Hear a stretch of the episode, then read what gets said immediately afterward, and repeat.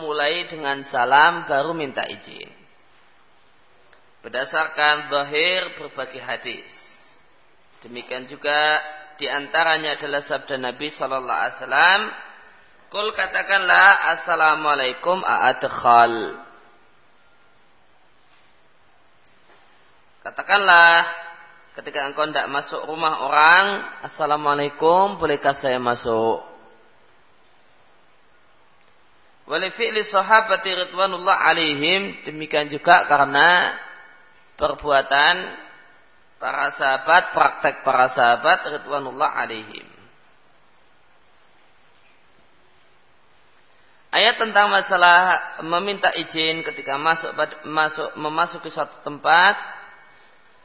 Adalah firman Allah Subhanahu wa taala di surat An-Nur ayat yang ke-27 ya ayyuhalladzina amanu la tadkhulu buyutan khaira buyutikum Wahai orang-orang yang beriman, janganlah kalian memasuki rumah selain rumah kalian, rumah bukan milik kalian, hatta nisu sampai kalian meminta izin.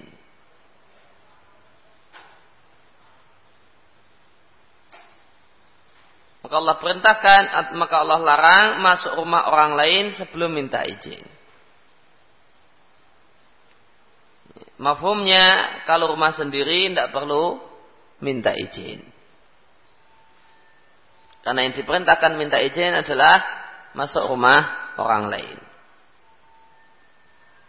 Kemudian demikian juga firman Allah Subhanahu wa taala di surat An-Nur ayat yang ke 58 59 Ya ayyuhalladzina amanu wa orang-orang yang beriman liyasta'dinkum hendaklah minta izin kepada kalian. Alladzina malakat aymanukum walladzina lam yablghul huluma minkum. Minta izin untuk menemui untuk masuk ke dalam kamar kalian ya, ruangan pribadi kalian budak-budak yang kalian miliki demikian juga anak-anak yang belumlah sampai usia balik dalam minta izin dalam tiga waktu. Maka Allah Subhanahu wa taala menetapkan aturan di surat An-Nur ayat 58 dan 59 hendaknya orang tua, bapak dan ibu itu punya kamar khusus. Nah, nah kamar khusus orang tua ini uh, boleh dimasuki oleh anak-anak jika anaknya adalah sudah dewasa maka setiap saat kapan dia mau masuk ke ruangan bapak dan ibunya harus minta izin terlebih dahulu. Sedangkan untuk anak-anak kecil maka diwajibkan maka Allah perintahkan orang tua untuk mengharuskan anak-anak kecil minta izin di tiga waktu. Setelah sholat isya, sebelum subuh, dan setelah duhur.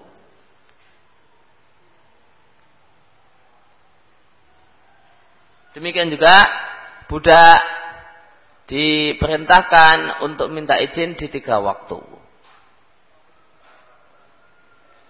Wa idza balagal atfalu minkum al-huluma falyasta'dinu.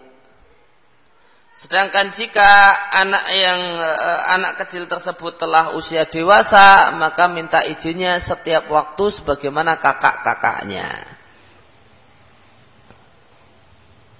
Ya, kalau untuk anak kecil, maka untuk tiga waktu diajari untuk minta izin. Selain itu boleh ya, nyelonong. Ya. Nah, untuk anak kecil.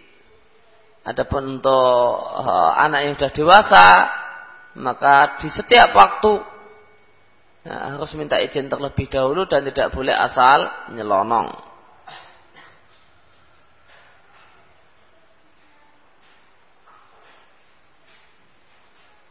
Ya, kemudian adalah uh, di ayat ini surat An-Nur ayat 59 terdapat dalil bahasanya di antara ciri balik adalah mengalami hulum, mimpi. Ya, mimpi dalam tanda kutip, ya, mimpi khusus. maka jika seorang anak sudah mengalami hulum, baik dia anak laki-laki ataupun anak perempuan, maka dia sudah tidak lagi anak kecil namun sudah menjadi manusia yang balik. Kemudian sabda Rasulullah sallallahu alaihi wasallam yang merupakan hadis muttafaqun alaih diatkan oleh Bukhari dan Muslim, "Inna ju'ilal istidanu min ajlil basari." Sesungguhnya ditetapkan syariat minta izin min ajlil basari dikarenakan pandangan. Maka ketika seorang itu tidak uh, memasuki rumah milik orang lain, diperintahkan untuk minta izin supaya dia tidak memandang aurat ya, perempuan yang ada di uh, rumah orang lain atau aurat ya, secara umum baik laki-laki ataupun perempuan demikian juga supaya tidak memandang uh, hal-hal yang tidak disukai oleh pemilik rumah untuk dipandang dan dilihat oleh orang atau orang lain. Nah karena itu, karena menghindari hal-hal ini, pandangan-pandangan yang terlarang ini, maka ada syariat meminta izin. Adab dalam e, minta izin yang pertama as-sunnatu takdimus salam qabla al-isti'dan. Yang sesuai dengan sunnah Nabi Shallallahu Alaihi Wasallam adalah mengucapkan salam terlebih dahulu sebelum meminta izin. Dari Kaldah bin Hambal, sesungguhnya Sofwan bin Umayyah diutus oleh Kaldah untuk menemui Rasulullah Shallallahu Alaihi Wasallam. Bila banin wajada, waj, uh, wajadayah dengan membawa susu wajadaya. Wajadaya adalah anak kijang. Wadorobis dan diminta uh, oleh Sofwan uh, untuk membawakan ya, sejenis mentimun untuk diserahkan kepada Nabi Sallallahu Alaihi Wasallam. Nabi Sallallahu Alaihi Wasallam bi'a'la kata dan Nabi Sallallahu Alaihi Wasallam ketika itu posisinya ada di dataran tinggi Mekah. Fatakhaltu walam usallim. Maka aku masuk uh, tempat Nabi Sallallahu Alaihi Wasallam tanpa mengucapkan salam. Fakal maka Nabi Shallallahu Alaihi Wasallam mengatakan, irji fakul assalamualaikum. Maka Nabi Shallallahu Alaihi Wasallam memerintah untuk mengulangi. Sudah langsung nyelonong, balik, balik, balik, ya, ulangi. Nah, keluar dulu dan ucapkanlah assalamualaikum. Wadaka dan kejadian ini Ba'dama setelah Sufwan bin Umayyah masuk Islam. Diatkan Imam Ahmad dan Abu Dawud dan ini redaksi Abu Dawud. Al-Albani mengatakan sanatnya sahih. Atau hadis ini adalah hadis sahih.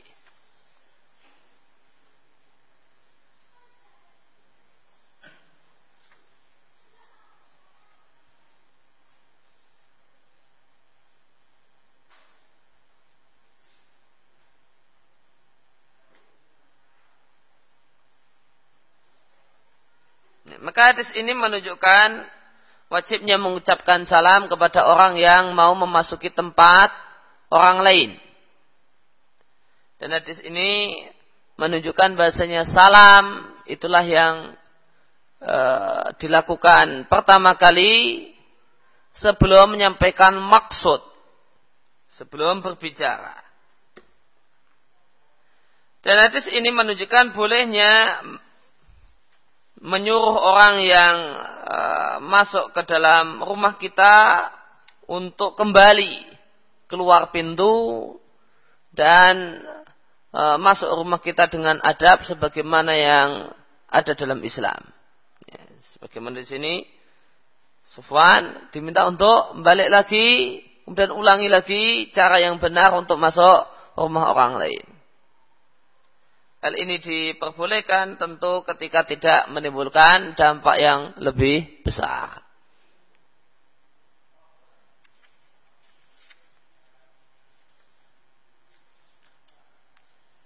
Kemudian dari Rab'i kal hadasana rajulun min Bani Amir. Ada seorang dari Bani Amir bercerita kepada kami bahasanya dia minta izin kepada Nabi sallallahu alaihi wasallam wa fi baitin dan Nabi sallallahu alaihi wasallam ketika itu ada di dalam rumahnya dan dia minta izin dengan menggunakan kata-kata aliju. Apakah aku boleh masuk? Maka Nabi Shallallahu Alaihi Wasallam berkata kepada pembantunya atau budaknya, "Ukhud ila hada fa'alimhul isti'dana." Keluar sana temui orang ini, ajari dia cara minta izin yang benar. Fakullahu katakanlah kepada orang tersebut, kul ucapkanlah assalamualaikum a'adkhal. Ya, ucapkan salam, baru setelah itu mengucapkan kata-kata uh, yang berisi permintaan untuk minta izin. Lihat ke Imam Ahmad dan Abu Dawud Al-Albani mengatakan sanatnya sahih.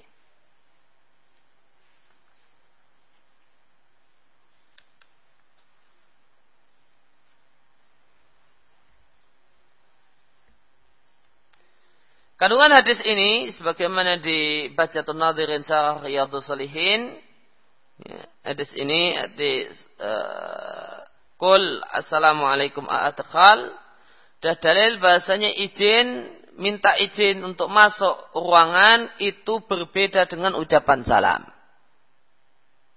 Artinya semata-mata baru mengucapkan salam ya, itu bukanlah izin untuk masuk. Karena orang ini ya, sudah mengucapkan salam. Dan sudah minta izin namun menggunakan bahasa yang tidak Nabi sukai. Yaitu a'aliju. Maka Nabi e, perintahkan budaknya untuk ngajar orang tersebut. Assalamualaikum a'adkhal. Maka ucapan salam itu bukan minta izin. Karena minta izin adalah a'adkhal, sedangkan ucapan salam adalah assalamualaikum.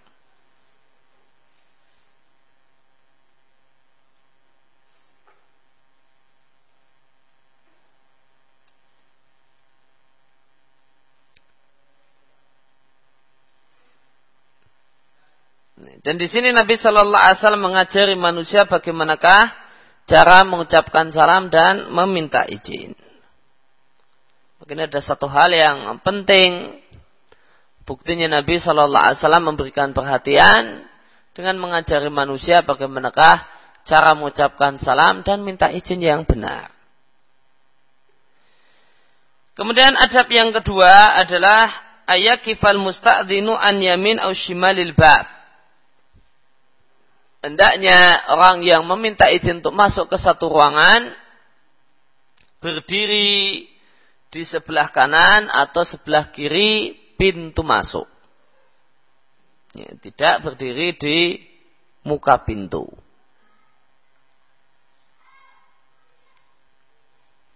Tujuannya apa?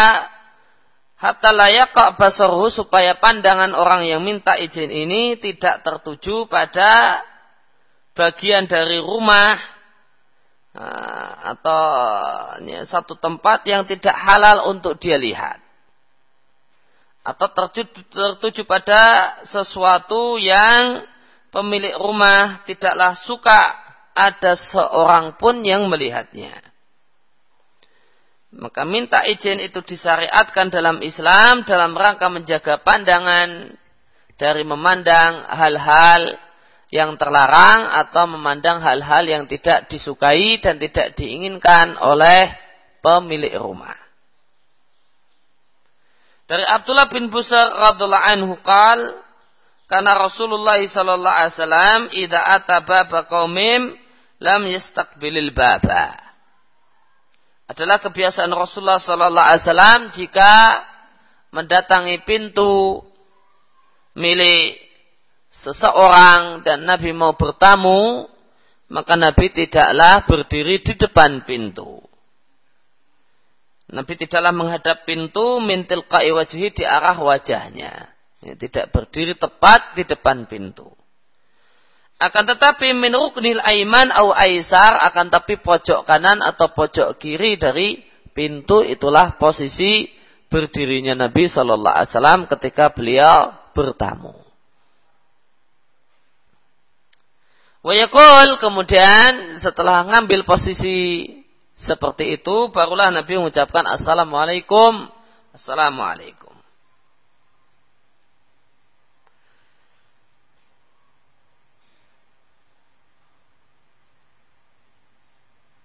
Kemudian di sini dikatakan wadzalika anad daura lam yakun alaihi yauma idzin suturun. Demikian itu Nabi lakukan karena rumah-rumah di zaman itu tidak memiliki korden.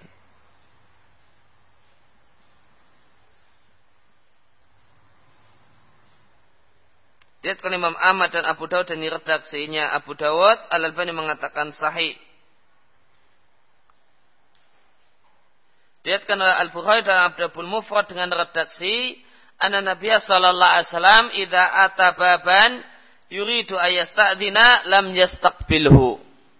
Sehingga Nabi sallallahu alaihi wasallam jika mendatangi satu rumah, satu pintu rumah dan bila ingin minta izin untuk masuk, maka Nabi tidaklah menghadap di depan pintu.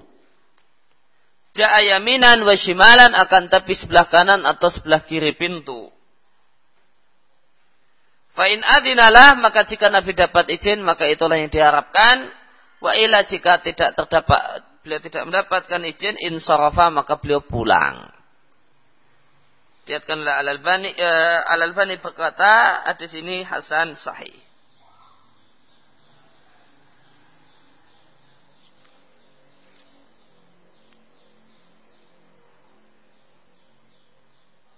Wa an Huzail, Huzail mengatakan, Ja'a rajulun, ada seorang yang datang, fawaqafa ala babi Nabi sallallahu alaihi wasallam yasta'dinu, lalu berdiri di depan pintu rumah Nabi sallallahu alaihi wasallam dan minta izin untuk masuk. Faqama 'alal bab, maka dia berdiri di depan pintu, menghadap pintu, maka Nabi sallallahu alaihi wasallam berkata kepadanya, hakada angka ahakada apakah seperti ini caranya? Inamal istidanu min minan nadar sesungguhnya syariat minta izin atau minta izin itu disyariatkan dalam rangka untuk menjaga pandangan. Ya, maka jika orang itu posisinya di depan pintu, maka ya, Sedangkan bagian dalam rumah itu tidak ada korden, maka begitu pintu terbuka, maka nampaklah bagian dalam rumah ya, yang tidak tertutup korden, maka e, terjatuhlah orang dalam larangan. Ya. Oleh karena itu maka uh, berdiri atau berdiri ketika minta izin masuk rumah orang lain itu tidak tepat di belakang, di depan pintu. Terlebih-lebih lagi ketika uh, uh, bagian dalam rumah atau ruangan-ruangan khusus yang ada dalam rumah itu tidak tertutup kain. Yang bisa menjaga pandangan si tamu dari hal-hal yang tidak diinginkan dilihat oleh pemilik rumah. Atau uh, kemudian sebelumnya tadi ada yang terlewatkan yaitu asar dari Ibnu Abbas. Uh, dari Ibnu Abbas atau hadis dari Ibnu Abbas, qal ista'dana Umar ala Nabi sallallahu alaihi wasallam. Umar meminta izin untuk bertemu dengan Nabi sallallahu alaihi wasallam atau masuk ke dalam rumah Nabi. Maka adat yang dipraktekkan oleh Umar, Assalamu ala Rasulillah, Assalamualaikum ayat khulu Umaru. Assalamualaikum. Apakah Umar boleh masuk? Lihat kalau Bukhari dalam Adabul Mufrad Al-Albani mengatakan sanatnya sahih. Wasakahu Ibnu Abdul Bar bisa nadeh. Ibnu Abdul Bar membawakan riwayat ini dengan menyebutkan sanatnya. Dan beliau mengatakan sebelum membawakan sanat hadis ini. Wa min asani hadisin yurwa fi kaifiyatil isti'dan. Dan hadis yang paling bagus yang diriwayatkan tentang tata cara minta izin adalah hadis berikut ini yaitu kisah apa cara minta izin Umar bin Khattab. Nah, Assalamualaikum ayat Umar. Nah. Assalamualaikum apakah Umar boleh masuk? Sehingga ini satu hal yang bagus karena e, pemilik rumah tidak perlu tanya siapa ya. Nah, dia langsung. Nah, dia langsung memperkenalkan diri. Assalamualaikum apakah Umar boleh masuk? Nah, maka uh, orang yang di dalam tidak repot-repot siapa ini yang datang. Kemudian yahrumu nadhar rajuli fi baiti ghairihi illa biidnihi. Haram hukumnya seseorang melihat isi rumah orang lain ila biidnihi kecuali dengan izinnya.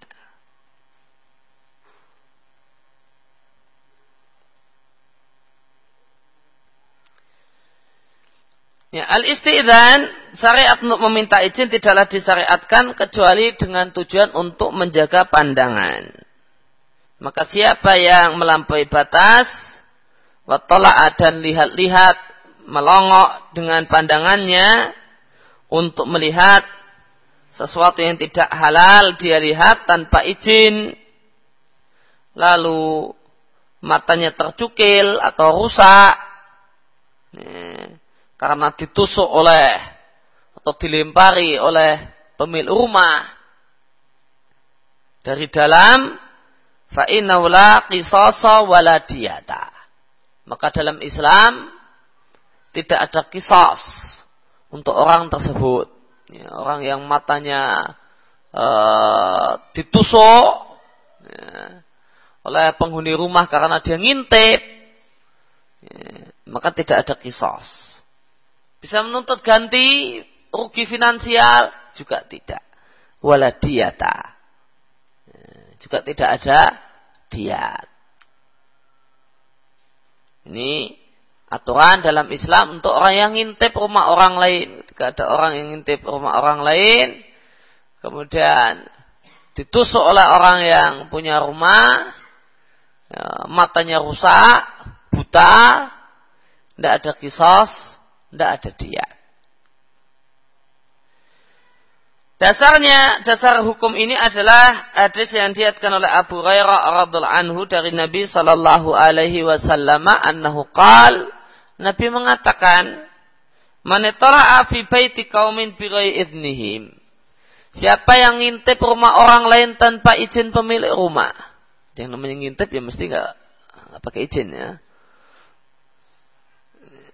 Atau fakat halalahum ayak uh, ayafqa'u ainahu. Maka halal bagi pemilik rumah untuk menyukil atau merusak mata si pengintip. Diatkan oleh Muslim.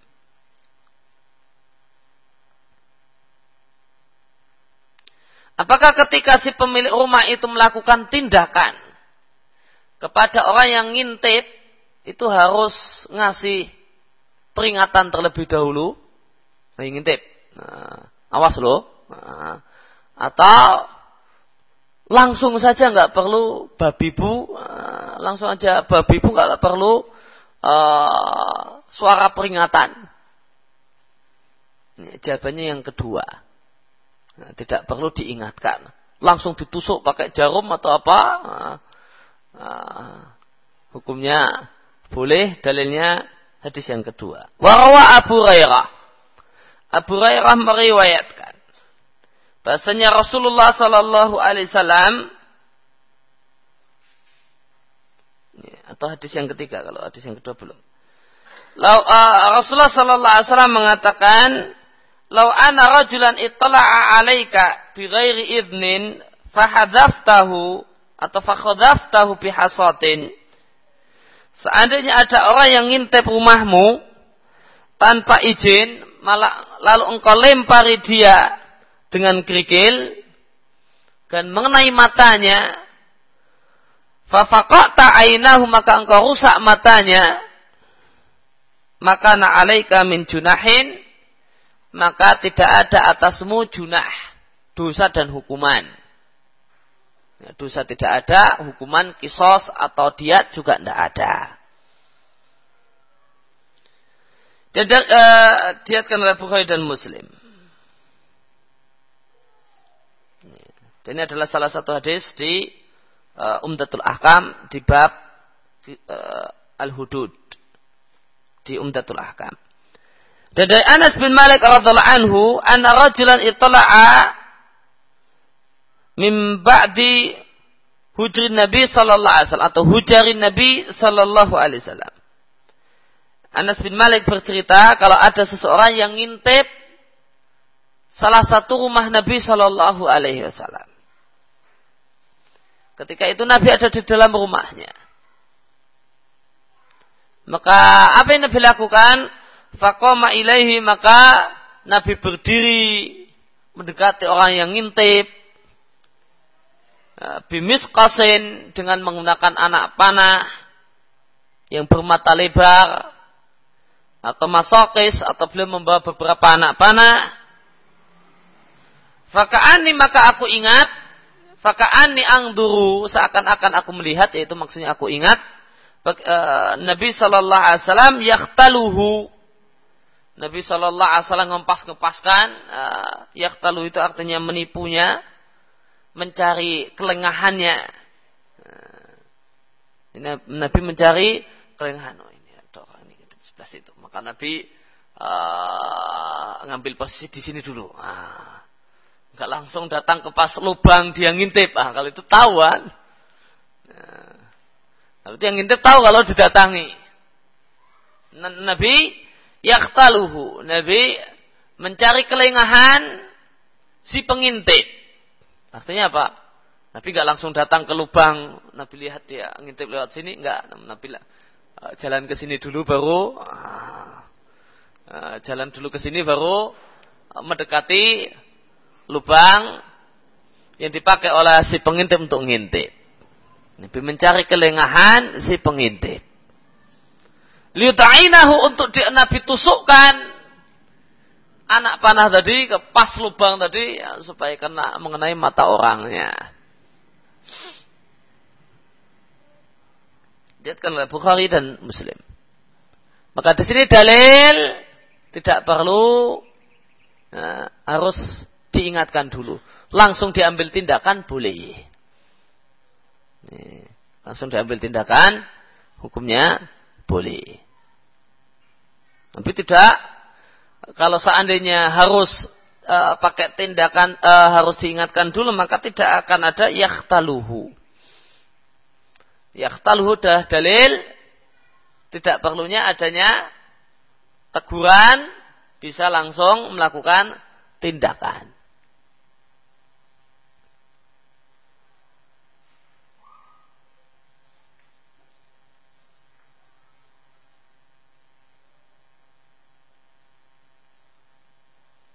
Maka haram hukumnya. Maka berdasarkan hadis ini hadis ini adalah hadis yang e, menunjukkan haramnya melihat atau memandang e, rumah orang lain tanpa seizin si pemilik rumah. Dan termasuk izin jika pemilik rumah membuka pintunya lebar-lebar. Pagi-pagi dia buka pintunya lebar-lebar maka orang yang uh, lewat kemudian uh, melihat uh, apa yang di dalam ruangan yang pintunya terbuka maka itu tidaklah mengapa karena dibukanya pintu lebar-lebar menunjukkan izin bolehnya orang melongok apa yang ada di balik pintu.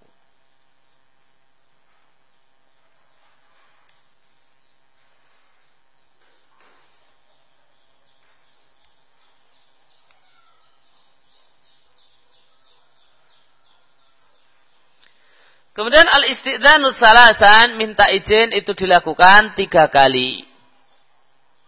Jika diizinkan, maka itu yang diharapkan. Jika tidak, maka adalah orang yang minta izin dengan legowo, dengan lapang hati, pulang.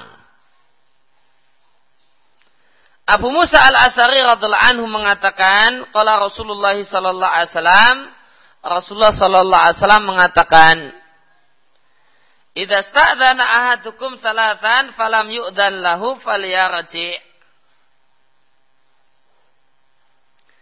Jika salah satu kalian minta izin sudah sampai tiga kali kok tidak diizinkan, falyarji maka hendaklah dia kembali. Diatkan oleh Bukhari dalam sahihnya dan Muslim. Bahwa juz'un min hadisin dan ini adalah bagian dari sebuah hadis di sana terdapat kisah yang terkenal yang terjadi antara Umar bin Khattab dan Abu Musa al-As'ari radhiyallahu anhuma. Ini ada sebuah kisah panjang yang ada dalam uh, Sahih Bukhari dan Sahih Muslim tentang uh, antara Abu Musa al Asari dan uh, dan Umar bin Khattab radhiallahu anhu. Jadi satu ketika Abu Musa al Asari itu bertamu ke rumahnya Umar bin Khattab ketika itu beliau jadi khalifah. Datang ke rumah khalifah Umar bin Khattab. Ya. Dan ngetuk pintu minta izin sampai tiga kali Kok nggak dapat izin, maka Abu Musa langsung pulang. Nah, setelah itu Umar keluar lu Abu Musanya tamunya ke mana? Kok pergi?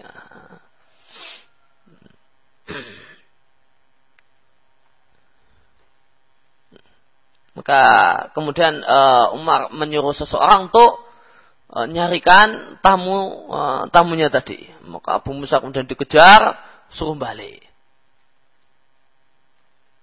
Duh kok balik? Oh. Kemudian Abu Musa menyampaikan kalau dia mendengar hadis Nabi Shallallahu Alaihi Wasallam bahwasanya uh, minta izin itu tiga kali jika tidak dapat izin maka pulang.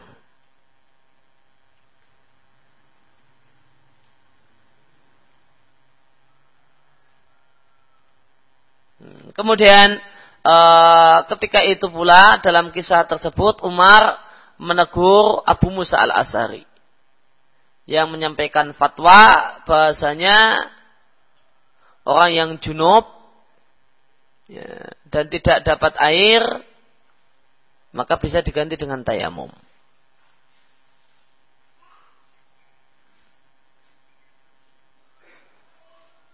Maka Umar mencelahnya. Gimana kok tayamum untuk ganti junub. Maka Abu Musa al-As'ari mengingatkan Umar, Duh, masa engkau lupa?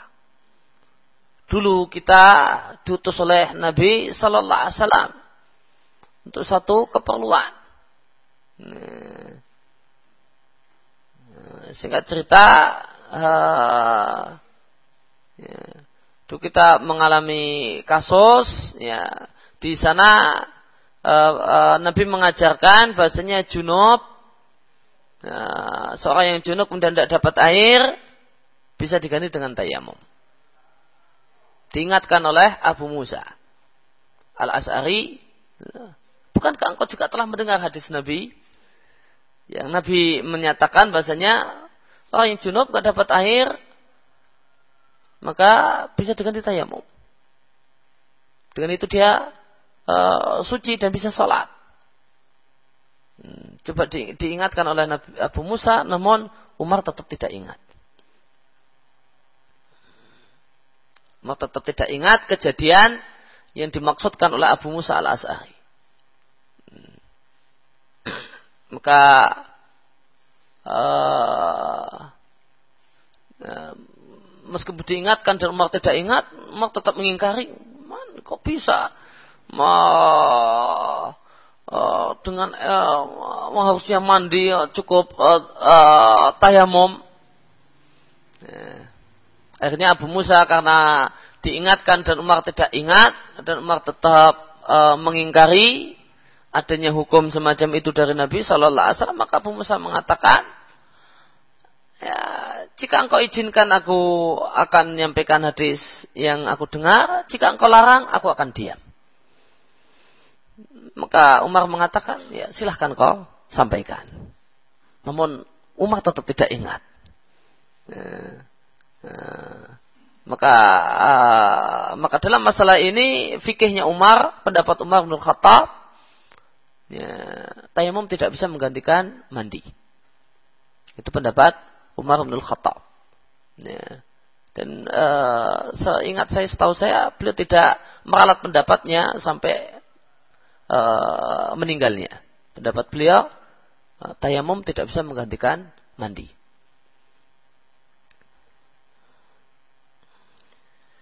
Itu kisah masyhur, kisah terkenal antara Umar bin Khattab uh, dan Abu Musa al Asari. Dan uh, di sana terkandung dua dua topik bahasan tentang masalah minta izin itu tiga kali dan tentang masalah apakah tayamum itu bisa menggantikan mandi junub.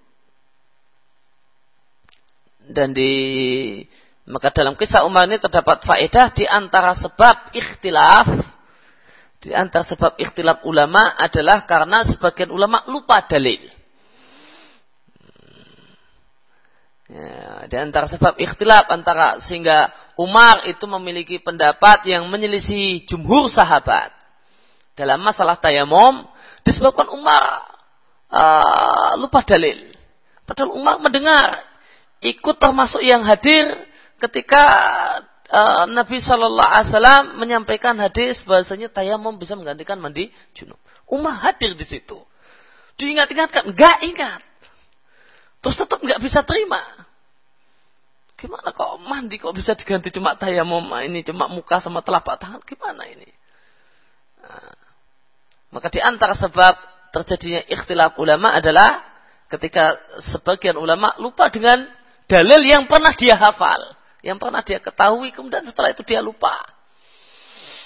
Maka terjadilah ikhtilaf antara Umar bin Khattab dan jumhur sahabat Nabi sallallahu alaihi wasallam. Kemudian masalah, Idza sta'dzana salasan jika seorang itu telah minta izin tiga kali, namun tidak mendapatkan izin dan dia mengira bahasanya suaranya itu tidak terdengar oleh penghuni rumah. Maka apakah yang seharusnya dilakukan oleh orang yang minta izin dalam kondisi ini? Pulang ataukah mengulang-ulang minta izin? Jawabannya para ulama mengatakan hendaknya pulang dalam rangka mengamalkan zahir hadis. Zahir hadis uh, tadi hadis Abu Musa, "Idza sta'dana ahdukum salasan falam yu'dan lahu falyarji." Hendaklah pulang. Wakilah ada pendapat yang lain bahasanya si tamu boleh lebih dari tiga kali hatta yatahakok sampai dia yakin bahasanya suaranya tidak terdengar, uh, bahasanya suaranya telah terdengar penghuni rumah dan memang penghuni rumah tidak mau tidak menginginkan kehadirannya.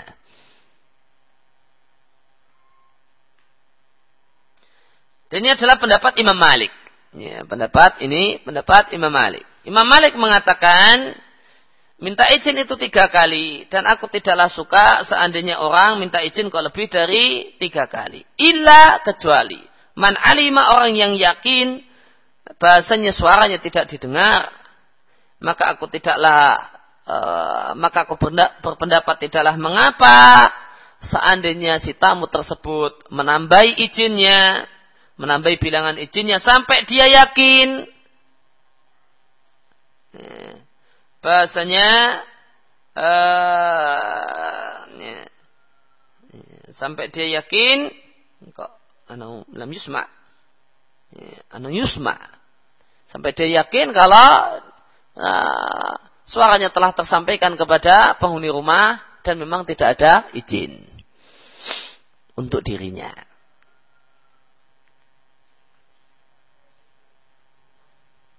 Dari dua pendapat ini, pendapat yang dipilih oleh penulis adalah pendapat yang pertama yaitu zahir hadis tiga kali Uh, kok nggak dengar, ya sudah balik.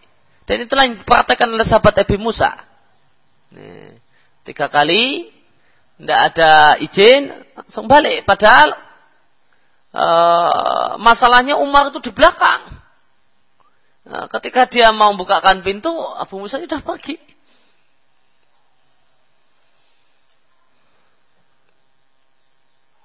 Kemudian ada berikutnya adalah orang yang minta izin tidaklah mengatakan saya, saya jika ditanya siapa ini.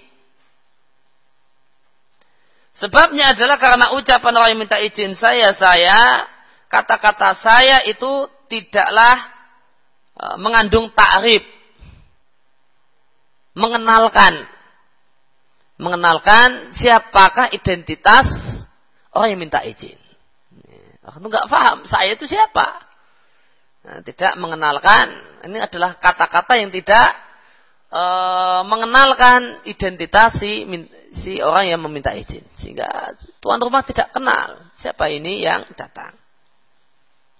Fal ibham maka ketidakjelasan masih ada.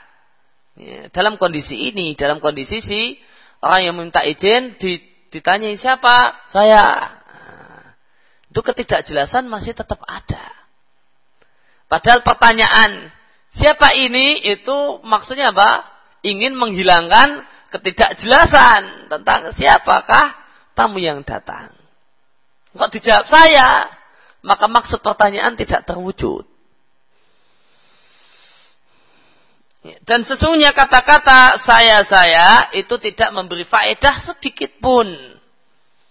Dan memberikan manfaat. Makrohnya hal ini ya, diambil dari hadis Jabir radhiallahu anhu, ya, disimpulkan hukumnya makroh. Diambil dari hadis Jabir radhiallahu anhu beliau mengatakan, aku mendatangi Nabi sallallahu alaihi wasallam kana ala abi untuk uh, berkaitan tentang utang ayahku. Ini, jadi ayahnya Jabir meninggal di perang Uhud dengan meninggalkan utang. Maka Jabir datang ke rumah Nabi sallallahu alaihi wasallam untuk minta solusi dan minta saran masalah utang ayahnya. Fadakaktu al-baba, maka aku mengetuk pintu. Maka pintu, maka rumah-rumah di zaman Nabi sudah punya pintu. Pintu masuk. Ya. Sehingga aku mengetuk pintu. Fakal, maka dari dalam Nabi bertanya, Manda, siapa itu? Siapa itu yang ada di balik pintu? Maka aku mengatakan, saya. Maka Nabi Shallallahu Alaihi Wasallam mengatakan saya saya. Ka'annahu karihaha seakan-akan Nabi tidak suka cara uh, kata kalimat itu. Diatkan oleh Bukhari dan Muslim. Lalu gimana gantinya kalau tidak saya-saya? Maka ada beberapa alternatif jawaban yang pertama, la ba'sa tidaklah mengapa seandainya orang yang minta izin mengatakan saya fulan. Saya A nyebut namanya. Jangan fulan di dipraktekan fulan ya. Fulan di sini artinya nyebut nama. Saya A atau B nyebut nama. Jangan dipraktekan saya fulan. Nah, enggak. Kan demikian maksudnya. Dalilnya dari Abdullah bin Buraidah dari ayahnya itu Buraidah. Kal Buraidah, sahabat Nabi Shallallahu Alaihi Wasallam mengatakan, Kharajan Nabi Shallallahu Alaihi Wasallam ilal masjid wa Abu Musa yakra. Nabi Shallallahu Alaihi Wasallam keluar dari rumahnya ke masjid dan ketika itu sahabat Abu Musa sedang baca Al-Quran dan Nabi mendengar betapa indahnya suara Abu Musa.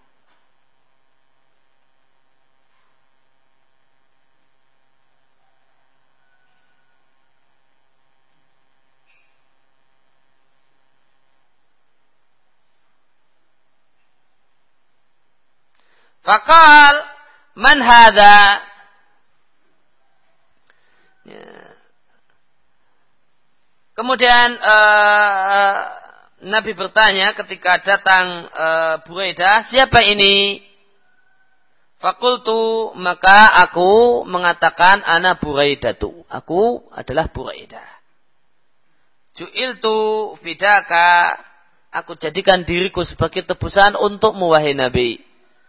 Fakal maka Nabi Shallallahu Alaihi Wasallam berkata kepada Buraidah, Qad u'tiyahada sungguh orang ini yaitu Abu Musa al Asari telah diberi mismaron min mazamiri Ali Dawud telah diberi suara indah yang pernah Allah berikan kepada Dawud. Yang dimaksud dengan Ali Dawud adalah Dawud itu sendiri. Yang dimaksud dengan Ali Dawud, keluarga Dawud adalah Dawud itu sendiri. Diatkan oleh Bukhari dalam Adabul Mufrad dan dinilai oleh Al-Albani.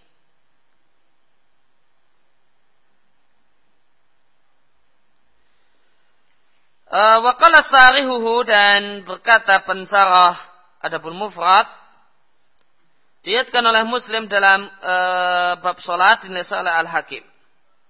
Aku katakan uh, perkataan penulis uh, Fuad bin Abdul Aziz Salhub Diriatkan oleh Muslim dalam kitab Salat Musafirin dari hadis Abdullah bin Buraidah dari ayahnya.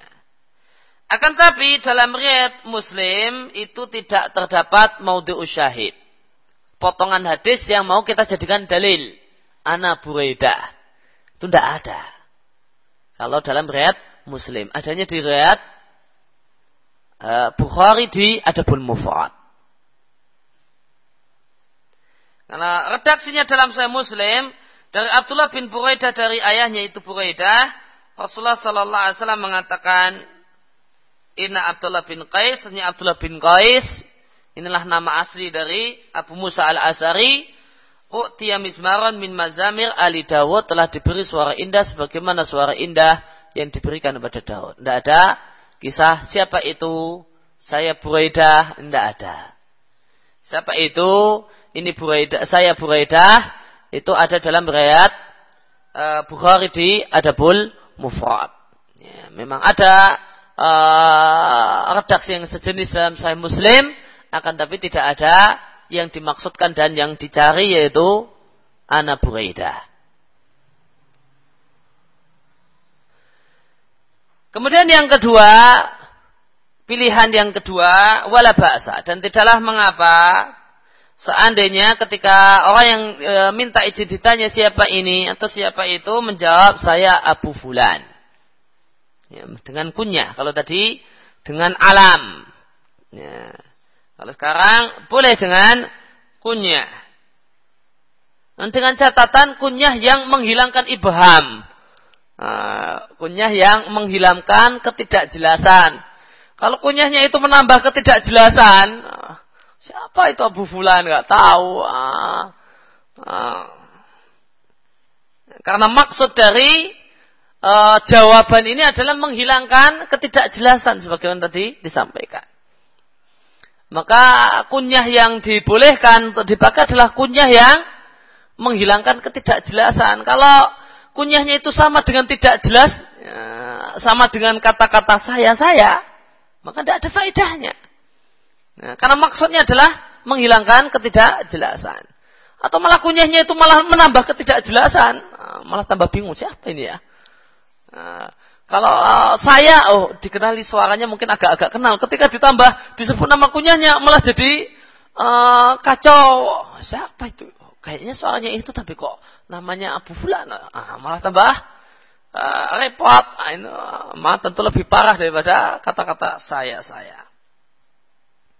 Dalilnya dilihatkan oleh Bukhari. Senya Ummi Hani Dahabat ila Nabi sallallahu alaihi wasallam. Ya, Ummi Hani ini sepupunya Nabi. Datang kepada Nabi menemui Nabi sallallahu alaihi wasallam pada saat Fatul Mekah, fawajadtuhu yaghtasilu.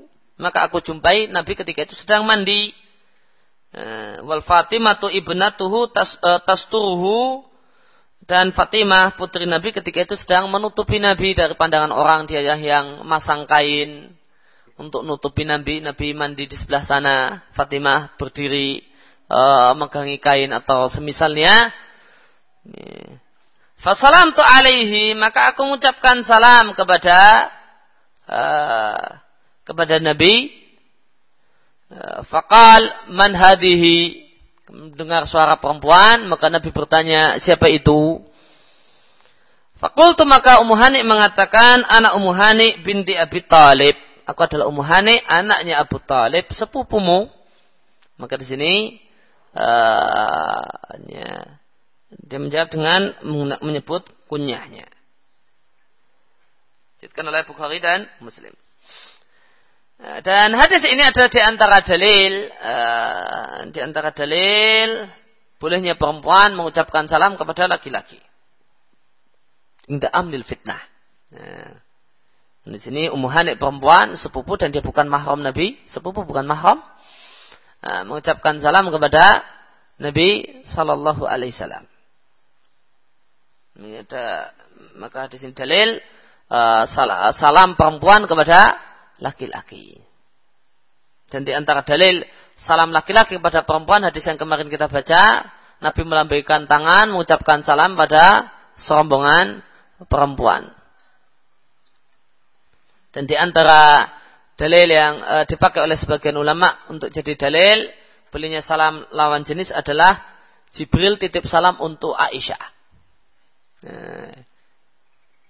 sebagian ulama e, ngambil faedah dari hadis ini bolehnya sawa, e, salam lawan jenis. Beda jenis. Ya, kita katakan beda jenis. E, karena kita tidak katakan Jibril laki-laki ataukah perempuan, namun yang jelas dia tidak sejenis dengan uh, dengan Aisyah.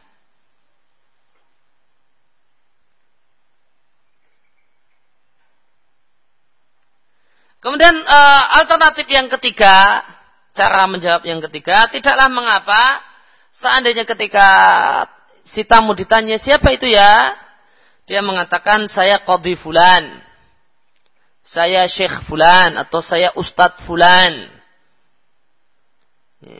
Jika apa? Jika tidaklah terwujud pengenalan itu dengan namanya. Karena uh, karena kesamaran kalau kalau pakai nama. Kalau dia nyebut nama Fulan si A, orang masih belum jelas. belum paham. Uh, namun ketika dia menyebut saya Ustadz Fulan, oh dia uh, yang di dalam rumah tahu siapakah tamunya. Kalau Nawawi demikian dikatakan oleh An Nawawi. Lihat catatan kaki. Wakal dan An Nawawi mengatakan wa alaihi dan berdasarkan itu apa dalilnya? Boleh mengucapkan Syekh Fulan.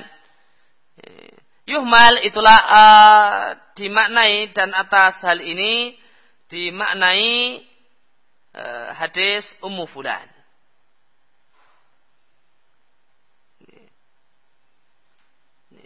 Kenapa pakai umu fulan? Ya, umu hani. Karena kalau disebutkan nama aslinya tidak terwujud takrif. Ya, maka dipakai nama kehormatannya karena kunyah itu dalam tradisi orang Arab mengandung e, makna pemuliaan dan penghormatan. Bukan maksud uh, orangnya untuk memuliakan dirinya, mengagungkan dirinya.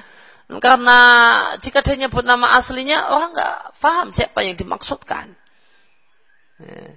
Maka kenapa di sini Ummu Hanik memilih untuk menyebut nama Ummu Hanik uh, yang itu mengandung penghormatan dan pemuliaan, tidak pakai nama aslinya? Ya, karena dia uh, berprasangka, punya sangkaan kuat kalau dia sebut nama aslinya, nggak paham. Nabi nggak paham siapa yang uh, siapa yang dimaksud.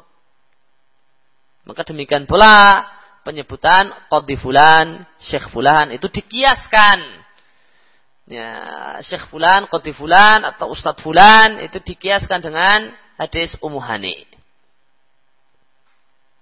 Wa misluhu dan semisal kasus Ummu Hani apa yang dialami oleh Abu Qatadah dan Abu Hurairah. Kemudian An-Nawawi mengatakan meskipun yang lebih baik dalam masalah ini adalah mengatakan saya fulan ditambahi yang terkenal gini-gini.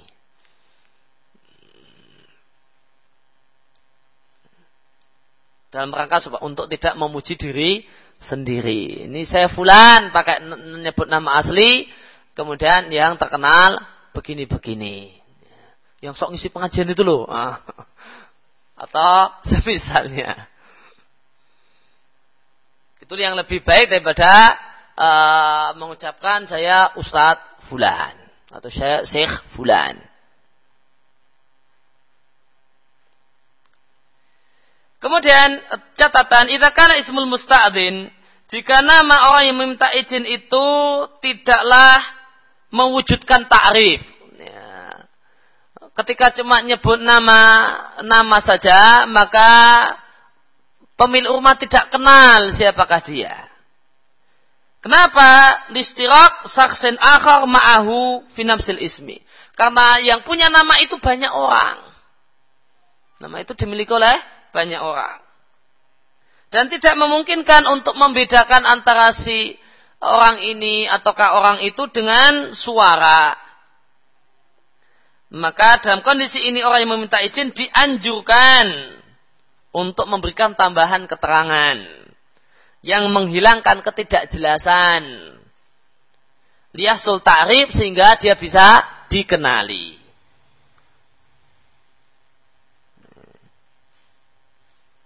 Dan uh, dan keterangan di atas akan jelas dengan kita baca hadis berikut ini.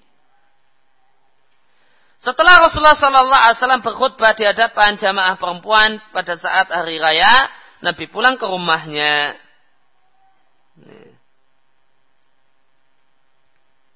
Kala rawi kemudian perawi mengatakan, Falamma maka tatkala Nabi sudah masuk ke rumahnya, datanglah Zainab, istrinya Ibnu Mas'ud.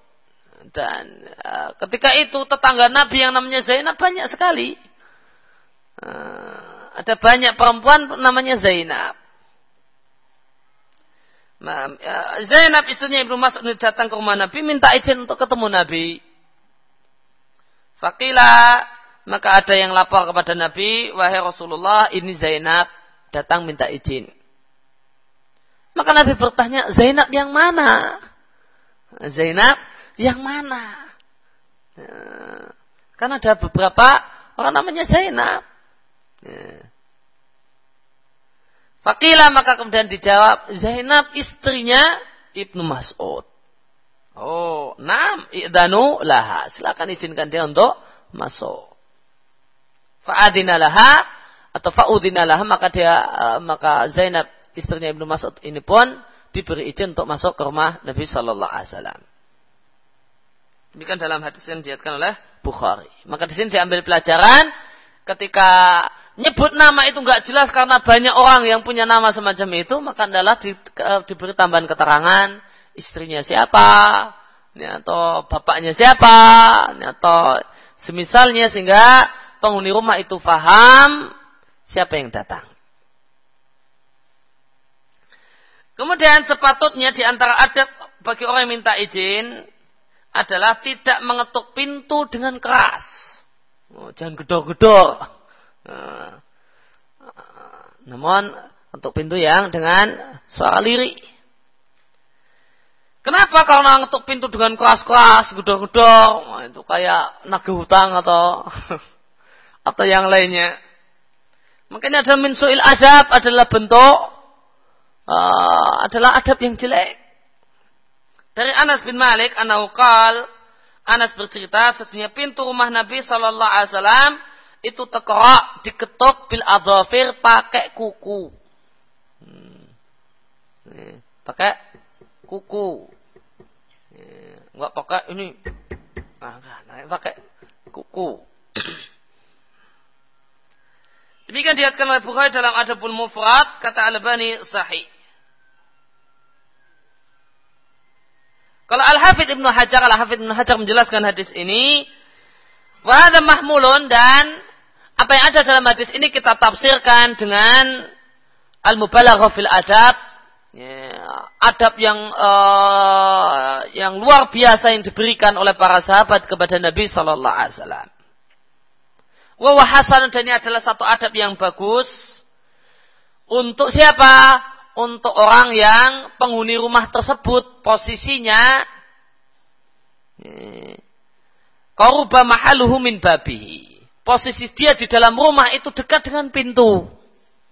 Karena rumahnya cuma ciut, rumahnya cuma uh, kecil. Maka cukup uh, diketok pakai gini udah kedengaran. Tuh rumahnya panjang, uh, tentu lain cara ngetoknya.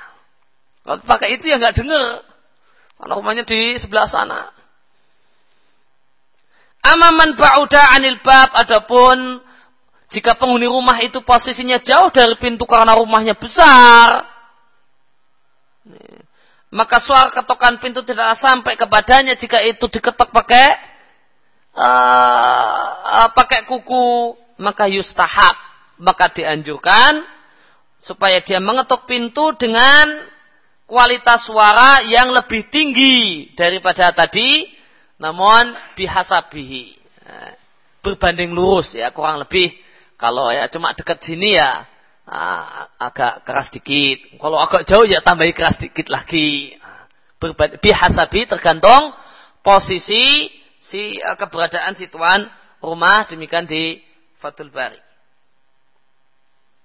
Tentang hal ini terdapat kisah Imam Ahmad Al-Maimuni, salah seorang murid Imam Ahmad, mengatakan sesungguhnya Abu Abdullah yaitu Imam Ahmad, dapat oleh imra'atun, ada tamu, yaitu berupa seorang perempuan, bertamu ke rumah Imam Ahmad.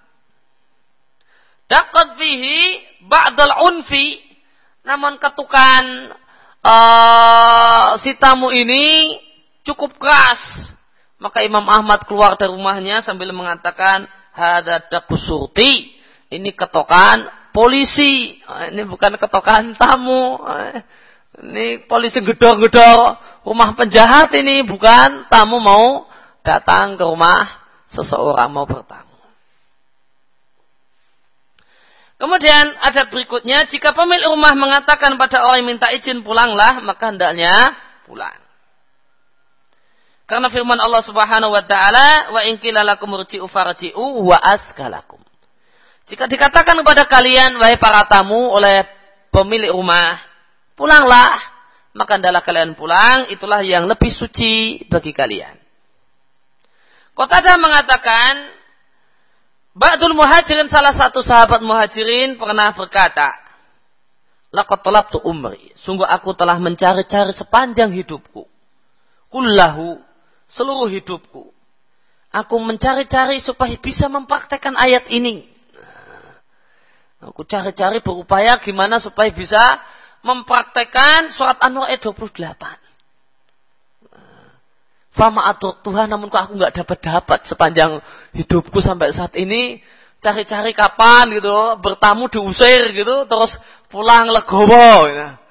namun sepanjang hayat belum pernah menjumpai An asta'dzin ala ba'di ikhwati, aku uh, bagaimana aku minta izin pada sebagian saudaraku, lalu dia mengatakan padaku pulanglah, lalu aku pulang, wa ana murtabitun dan aku dalam keadaan bangga, dalam keadaan uh, bahagia dan tidak dalam keadaan kecewa karena mengamalkan ayat ini. Namun sepanjang hidupku aku belum pernah bisa mengamalkan ayat ini. Ya, beliau sepanjang hidupnya belum bisa pernah mempraktekkan amal ini. Kenapa? Begitu pertama mesti diterima, belum pernah uh, pernah mendapatkan pengusiran. Pulang aja, ini maaf ini nggak bisa, belum pernah dapat demikian. Kemudian orang yang minta izin tidaklah boleh masuk rumah jika tidak ada seseorang di rumah itu. Ketika tahu ini nggak ada rumahnya nggak boleh, oh, nggak ada orangnya, kemudian nyelonong masuk nggak boleh. Karena perbuatan itu adalah melampaui batas terhadap hak orang lain. Ibnu Katsir mengatakan nggak ada rumahnya, kemudian langsung masuk, maka perbuatan ini adalah uh, memanfaatkan milik orang lain tanpa izinnya. Padahal jika pemilik rumah e, berkendak maka dia bisa mengizinkan, jika dia berkendak dia pun tidak e, bisa untuk tidak mengizinkan. Kecuali jika mendapatkan izin secara off. Ketika di dalam rumah e, orang datang ke rumah seseorang, dia tidak mendapatkan izin secara lisan, akan tapi dia mendapatkan izin secara urf. Maka boleh dia masuk meskipun tidak mendapat uh, di rumah tersebut tidak ada siapa-siapa, dan dia tidak mendapatkan izin secara uh, nason, namun dia mendapatkan izin urfan. Kaidah fikih mengatakan masabata urfan uh, kama yathbutu nasan. Al-ma'ruf urfan kama suti syaratan. Apa ya uh, izin dengan urf itu semisal dengan izin dengan kata-kata. Contohnya sebagaimana dicontohkan oleh Ibnul Qayyim di Kuwait Nur, uh, Kuwait Nuraniyah, uh, izin off, izin berdasarkan tradisi adalah ketika seorang itu lewat, kemudian dia lihat uh, ada rumah di sebelahnya, di sebelah jalan tersebut kebakaran. Ada kebakaran. Dan itu rumah itu kosong. Bolehkah masuk? Dalam rangka untuk memadamkan kebakaran. Ataukah wah, saya nggak bisa masuk ini. Nah, ini rumah orang nggak ada izin. Ah, ya, ya sudah, biarin biarin kobongan, biarin kebakaran. Sebab Abdul Fuka mengatakan demikian. Tidak bisa. Ini milik orang lain. Anda tidak dapat izin untuk masuk. Dan pendapat yang benar, pendapat yang rajih, sebagaimana dirajakan oleh Ibnul Qayyim rahimahullah taala adalah orang ini mendapatkan izin urfan. Secara urf diizinkan. Kalau memang kondisi kebakaran orang masuk nggak ada siapa-siapa di rumah itu, maka ini mendapatkan izin secara urfan. Maka dia boleh masuk, dia padamkan kebakaran yang ada di rumah tersebut. Kemudian mandu iya ursila ilahi rasulun. Siapa yang mendapatkan undangan atau diutus utusan memanggilnya maka dia tidak perlu minta izin. Cukup salam, nggak perlu minta izin. Padahal hal tersebut karena mendapatkan undangan atau dikirimi kurir utusan yang memanggil, maka ini adalah yatadoman al-idna mengandung izin secara otomatis. Ya, maka uh, maka dengan adanya undangan ataukah utusan maka istarna anil isti'dan maka tidak perlu minta izin. Dalilnya dari Abu Hurairah, sunnah Nabi Shallallahu Alaihi Wasallam mengatakan Rasulullah rajuli ila rajuli idnuhu. Dikirimnya utusan dari seseorang kepada seseorang, maka itu berarti izin si pemilik rumah. Dia oleh Abu Dawud, Al-Albani mengatakan sahih. Wa anhu dari Abu Hurairah, Rasulullah sallallahu alaihi wasallam mengatakan, "Idza du'iya ahadukum ila ta'amin, faja'a ma'a rasuli fa inna dzalika lahu idnun." Jika salah satu kalian diundang untuk makan-makan, untuk acara makan-makan, walimah misalnya, walimatul urus atau yang lain, lalu dia datang bersama utusan tuan rumah, fa'ina kalau ithnun, maka itu adalah izin untuk orang yang diundang. Maka dia cukup masuk rumah dengan mengucapkan salam, dan tidak perlu, uh, uh, dan tidak ada kewajiban untuk minta izin. Dia oleh Abu Dawud, Al-Bani mengatakan sahih. Non para ulama atau sebagian ulama memberikan pengecualian jika orang yang diundang itu telat ya, dari waktu undangan. Undangan jam sekian sampai jam sekian. Jamnya, jamnya sudah lewat. Atau uh, karena fi makanin atau orang yang mengundang itu ada di satu tempat yang menurut kebiasaan menurut, menurut al-urf di tempat ini untuk memasukinya harus minta izin terlebih dahulu, maka ya yasta'adin maka harus minta izin terlebih dahulu.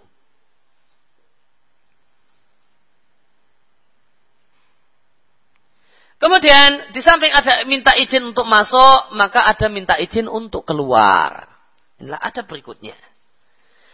Al-isti'dan minta izin ketika ingin uh, berdiri dan meninggalkan majelis.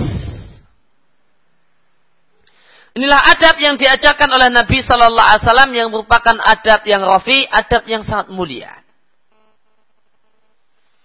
Yuwajih uh, yuwajah uh, atau yuwajah azair orang yang berkunjung adab ini ditujukan kepada orang yang berkunjung agar dia melakukan hal yang beradab, yang sopan ketika dia mau pulang. Maka sebagaimana Anda masuk ke ruangan ini dengan izin, maka hendaknya perginya Anda dari ruangan ini juga dengan minta izin. Dan boleh jadi ilah kenapa dianjurkan untuk atau diperintahkan untuk minta izin ketika pulang adalah dikhawatirkan uh, ketika orang itu berdiri mau pulang maka matanya memandang sesuatu yang tidak halal untuk dipandang. Ketika dia pertama berdiri, ah, lain posisinya dengan ketika dia duduk. Atau e, sesuatu yang tidak diinginkan oleh pemilik rumah untuk dilihat oleh tamunya. Dalilnya dari Ibnu Umar radhiallahu anhuma, Nabi sallallahu alaihi wasallam mengatakan, "Idza zara ahadukum akhahu fajalasa indahu fala yakumanna hatta yasta'dinahu." Jika salah satu kalian berkunjung ke rumah saudaranya sesama muslim, lalu dia duduk di rumah saudaranya, maka dia tidak boleh berdiri, yaitu maksudnya pulang. Adapun berdiri untuk uh, memperbaiki celana atau apa persisnya uh, lain ya. Ini berdiri mau pulang yang dimaksudkan. Falayakumana maka janganlah dia berdiri yaitu pulang sampai dia minta izin kepada pemilik rumah. Sampai dia pamitan kepada yang punya rumah.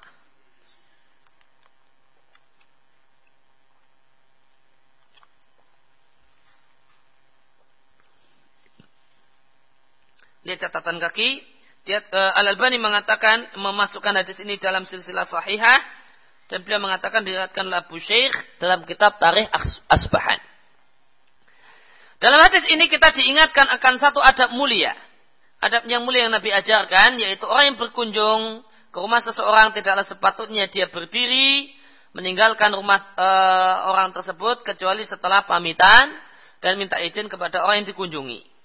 Maka akhalla bihadat taujih an-nabawi dan peringatan dari Nabi ini telah uh, akhalla telah uh, disepelekan tidak diindahkan oleh banyak manusia di sebagian negeri-negeri Arab.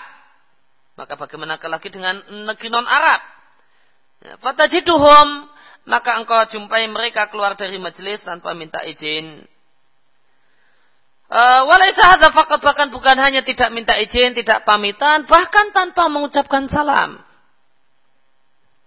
Dan perbuatan ini yaitu pergi tanpa mengucapkan salam menyelisih adab yang adab Islam yang lainnya. Demikian kutipan perkataan Al-Albani di silsilah sahihah. Dan adab kedua yang beliau maksudkan adalah yang telah kita baca dalam kesempatan yang lewat. Ya, Nabi mengatakan, ketika seorang itu meninggalkan majelis, dia mengucapkan salam, tidaklah salam ketika dia meninggalkan majelis lebih utama daripada salam ketika dia mendatangi majelis. Kemudian tetap ad, uh, al-isti'idhan adanya kewajiban untuk minta izin ketika hendak memasuki ruangan atau rumah atau kamar ibu atau saudarinya dan orang-orang yang semisal dengannya yaitu mahramnya. Wadhalika dan hal tersebut supaya mata tidak melihat aurat atau mata tidaklah melihat uh, hayatan satu uh, satu penampilan yang perempuan itu tidak ingin ada seorang pun yang melihat mereka dalam penampilan itu. Dalam keadaan mereka alatil kalhalah dalam penampilan itu. Dari Al-Qamah, Al-Qamah ini muridnya Ibnu Mas'ud, sehingga jika Al-Qamah cerita Abdullah maka maksudnya Abdullah bin Mas'ud. Ja'a julan ila Abdullah. Ada seorang datang kepada Abdullah. Abdullah siapa? Abdullah bin Mas'ud. Kenapa? Al-Qamah. Karena Al-Qamah murid kentalnya Ibnu Mas'ud. Uh, ada seorang yang bertanya kepada Ibnu Mas'ud, apakah aku minta, aku perlu minta izin ketika mau mem memasuki kamar ibuku? Fakal maka Ibnu Umar uh, maka Ibnu Mas'ud mengatakan ma'ala kuli ahyaniha tuhibbu antaraha.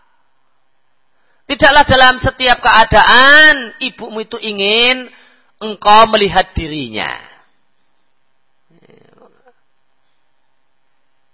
Diatkan oleh Bukhari dalam Adabul Mufrad, Al-Albani mengatakan sanatnya sahih. Dari Muslim bin Nadir dia mengatakan ada seorang bertanya kepada sahabat Nabi Hudzaifah ibn Yaman. Dia mengatakan, apakah aku perlu minta izin ketika hendak menemui atau masuk ke kamar ibuku? Maka jawaban Hudzaifah, jika engkau tidak minta izin ketika hendak masuk ke ruangan ibumu, maka engkau akan melihat sesuatu yang tidak engkau sukai. Diatkan oleh Bukhari dalam Abdul Mufrad, Al-Albani mengatakan sanatnya Hasan. Diatkan oleh Malik, lihat catatan kaki, diatkan oleh Malik dalam watak dari Sofwan bin Salim, dari Atta bin Yasar. Sesungguhnya ada seseorang yang bertanya kepada Rasulullah Sallallahu Alaihi Wasallam. Ya, namun ini dari Atta, atau tabiin, hadis mursal. Ya Rasulullah, wahai Rasulullah, astagfirullah ala ummi. Apakah aku perlu minta izin ketika hendak masuk ke ruangan atau kamar pribadi ibuku dan dia mahamku? Maka Nabi mengatakan iya. Maka orang tersebut bertanya lagi, wahai Nabi, sesungguhnya ibuku itu satu rumah denganku. Itu bukan bukan rumah ibuku tadi yang aku maksudkan, namun kamar ibuku. Maka Rasulullah Sallallahu Alaihi Wasallam mengatakan istadin alaiha, minta izin dulu kalau mau masuk kamar ibumu. Fakalah rajul orang tersebut bertanya lagi untuk ketiga kalinya, wahai Nabi, akulah pelayan ibuku, akulah yang membawakan makanan untuk ibuku, ngambilkan minuman.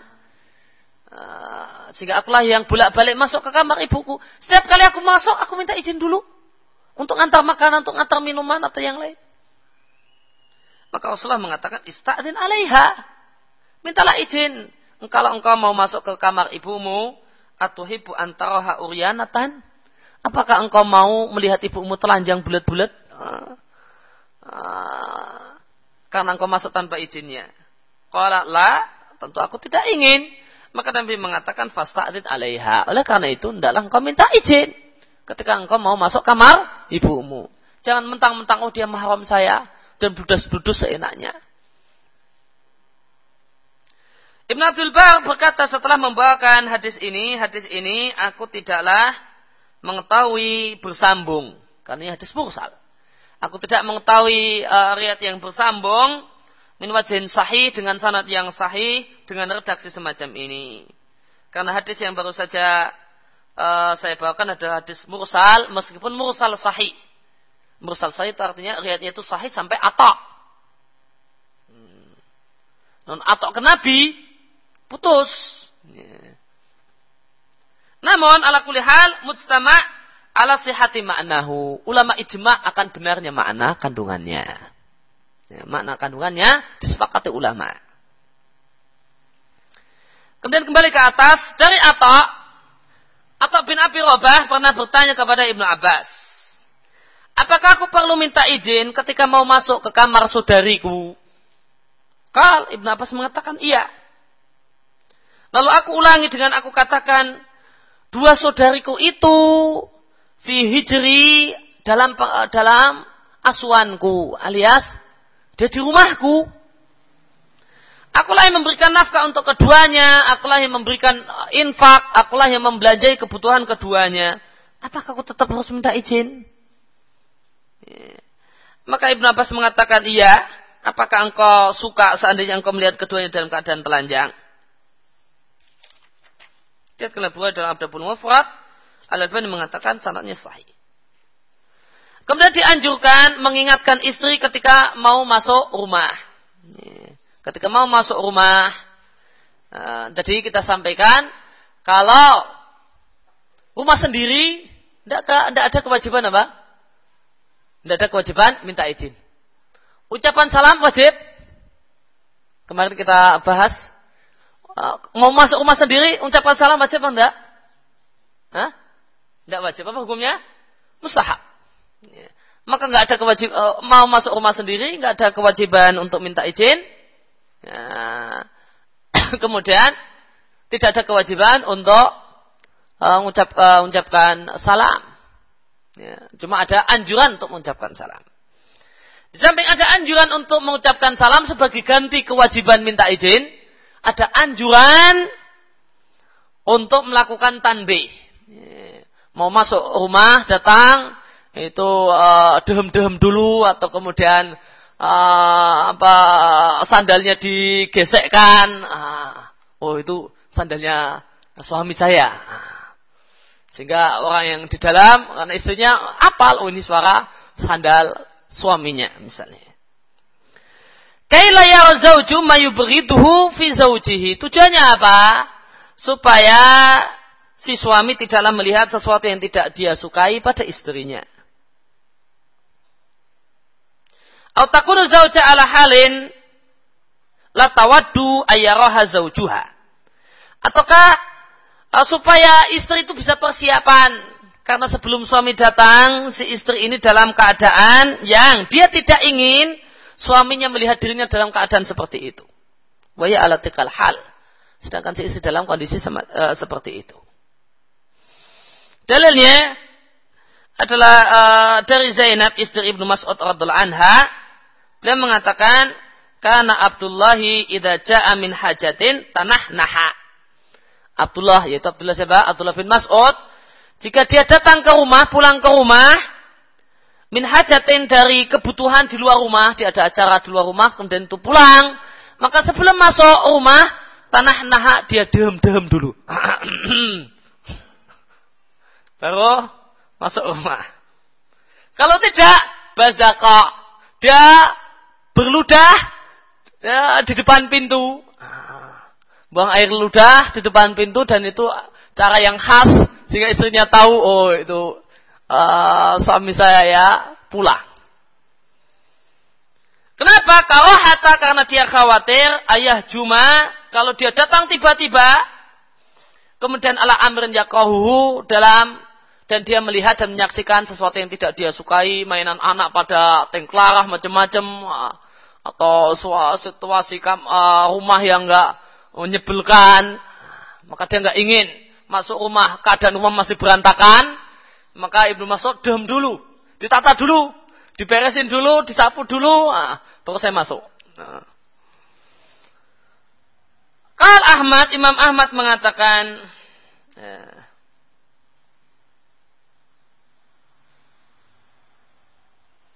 Idza ala ala ala ala, ahlihi yatanahnahu. Dan Imam Ahmad menjadi kebiasaan Imam Ahmad jika dia mau masuk rumahnya Imam Ahmad dehem-dehem dulu.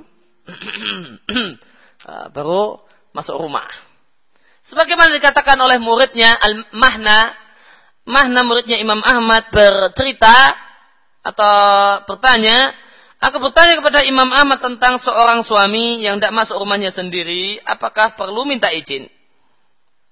Maka Imam Ahmad mengatakan, tidaklah dia gerakkan sandalnya ketika tidak masuk. Maka tidak ada dia gesek-gesekkan sandalnya sehingga terdengar suara khas sandalnya sebelum dia masuk rumahnya. Kemudian yang terakhir atau wafun mimma malakat al aiman orang yang suka berkeliling untuk memberikan pelayanan bahkan minuman, makanan dan yang lainnya. Mimma malakat al aiman boleh jadi dia adalah budak ataukah anak-anak yang belum usia balik maka wajib minta izin dilatih atau diupayakan untuk minta izin dalam tiga kondisi. Sebelum sholat subuh tiba, di waktu kailulah yaitu di waktu siang hari, atau pada duhur, dan setelah selesai sholat isya. Adapun selain tiga waktu itu, maka tidak mengapa bagi keduanya, budak dan anak kecil untuk masuk ke rumah uh, bapaknya, uh, ke, ke kamar bapak ibunya, nyelonong saja tanpa minta izin. Ibnu Katsir mengatakan uh, jika mereka masuk masuk ke ruangan kalian dalam kondisi selain tiga kondisi ini maka tidaklah dosa bagi kalian jika kalian memberikan kepada mereka kesempatan untuk uh, masuk tanpa minta izin. Wala alaihin dan mereka juga tidak berdosa. In syai'an fi ghairi tilkal ahwal. Jika mereka melihat sesuatu yang tidak baik di selain tiga kondisi ini. Kenapa? Karena mereka telah mendapatkan izin fil hujum untuk masuk tiba-tiba, untuk nyelonong. Dan dikarenakan mereka adalah orang-orang yang suka berputar-putar kepada kalian, suka mendatangi kalian. Kalau budak sering datang karena memberikan pelayanan, kalau anak kecil ya datang karena ingin bermanja-manja pada orang tuanya.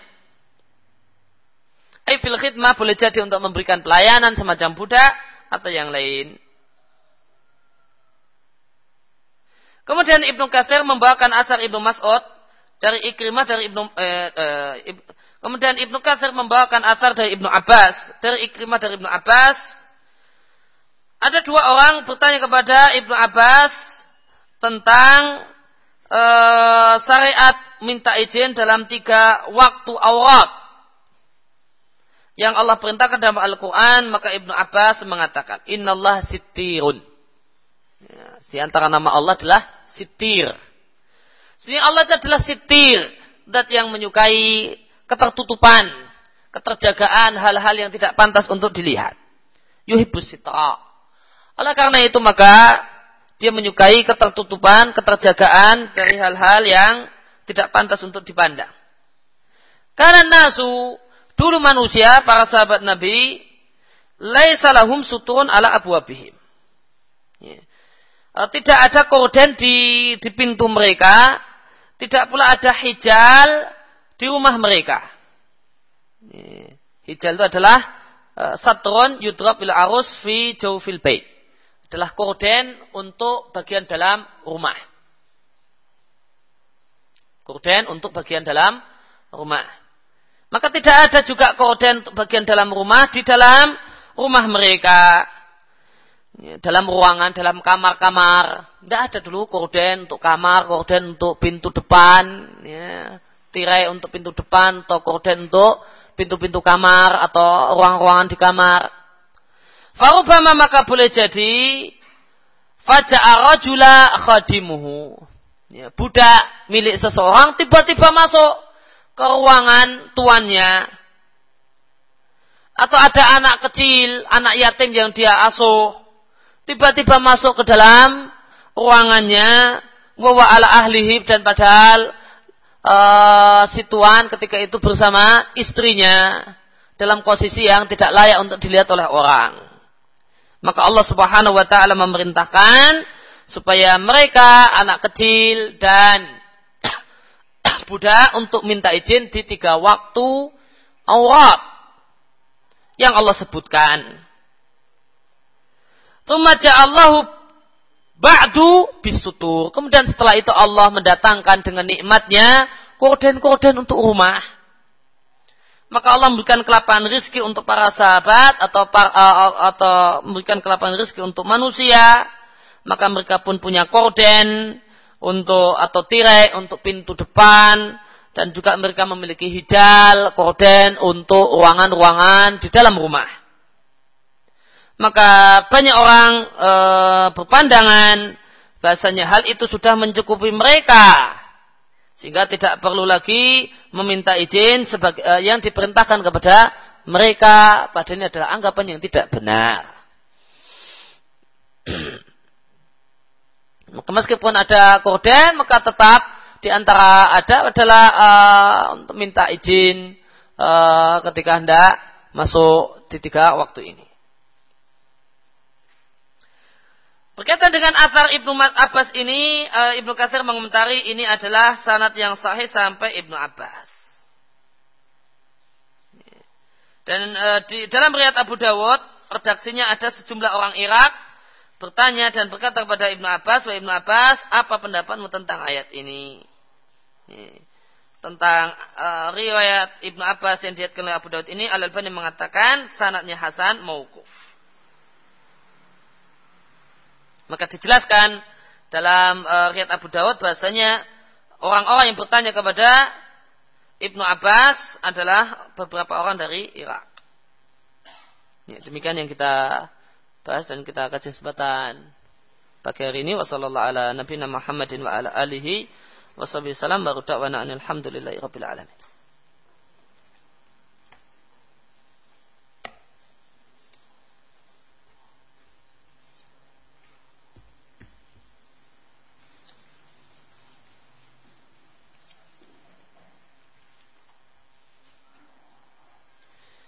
Ya, pertanyaan yang lewat seseorang yang dititip salam apakah wajib untuk menyampaikannya? Jawabannya, jika orang yang menerima titipan salam itu mengiyakan, maka sebagaimana kemarin kita, kami, eh, kita sampaikan, Sayyidul Taimin mengatakan wajib untuk menyampaikan salam. Karena dia men, uh, uh, siap menerima amanah dan menunaikan amanah hukumnya wajib.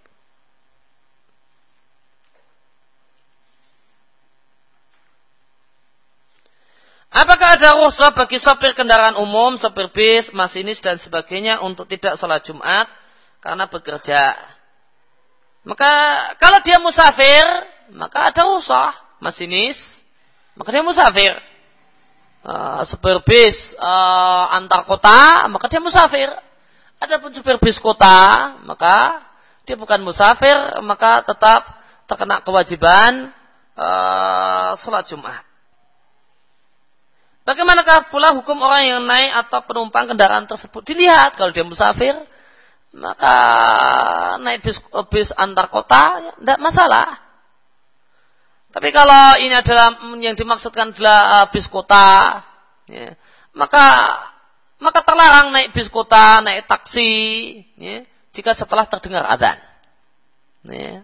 Kiasan dengan masalah jual beli karena sama-sama ukut muawadat. Ya, sama-sama transaksi muawadah, transaksi dalam rangka mencari keuntungan. Ya, maka terlarang uh, untuk naik bis kota, naik uh, naik taksi dan yang lainnya setelah terdengar adzan. Ketika membuka majelis apakah pembawa acara mulai dengan salam ataukah dengan ucapan basmalah?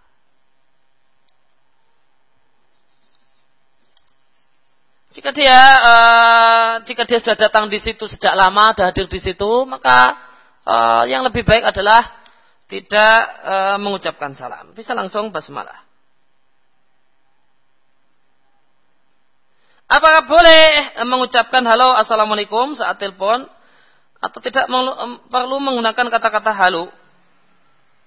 Maka dilihat jika di satu tempat halo itu adalah tasabuh bil kufar, maka tidak boleh. Nah jika di satu tempat halo itu tidak tersebut dengan kufar, maka selainnya adalah kalau mau pakai ya assalamualaikum halo. Dan dalam uh, dalam uh, dalam uh, dalam uh, dalam adab dalam telepon uh, salam itu dilakukan oleh orang yang menelpon dan bukan orang yang ditelepon. Ya, salam itu adabnya diucapkan oleh orang yang menelpon dan tidak dan bukan orang yang ditelepon. Ya, karena orang yang menelpon statusnya sebagaimana orang yang masuk. Dan orang yang masuklah yang dan orang yang datang uh, orang masuklah yang seharusnya mengucapkan salam sebagaimana al-qadim alal kaum dialah yang mengucapkan salam sebagaimana kita bahas di adab uh, uh, adab salam. Ya, maka yang nelpon itulah yang mengucapkan salam. Adapun yang menerima telepon maka dia cukup meng, me, mengucapkan isyarat yang men, menunjukkan bahasanya uh, telepon telah diangkat. Bisa menggunakan kata-kata uh, ya atau uh, kalau bahasa Arab naam maka sehingga orang itu faham oh kalau uh, teleponnya telah diangkat kemudian orang yang menelpon mengucapkan Assalamualaikum. Sebagaimana disampaikan oleh Sebakar Abu Zaid di Adabul Hatib, demikian juga difatwakan oleh Syekh Muhammad Nasruddin Al-Albani rahimallahu taala.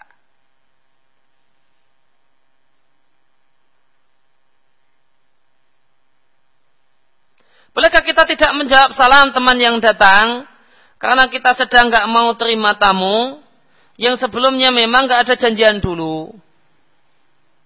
Ya. Maka idealnya sebenarnya maaf pulang ya ini saya ada acara gini-gini nggak bisa ini nggak ada uh, ini uh, sebagaimana mengamalkan firman Allah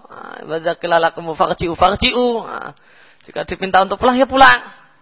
Kalau tidak memungkinkan dan kita juga tidak memungkinkan untuk menerima tamu maka jawablah salam uh, lirih ya, dalam rangka menjawab salam ada, uh, dan kita tidak jawab suara keras karena kita tidak mengizinkan dia dan tidak mengendaki kedatangannya.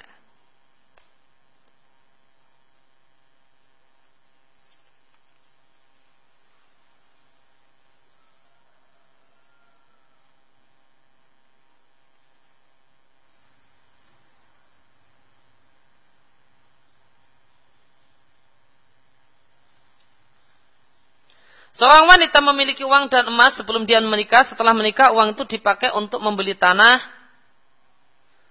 ya, membeli tanah dan tanpa sepengetahuan si istri tanah dibangun dan ditempati oleh adik ipar, adik suami.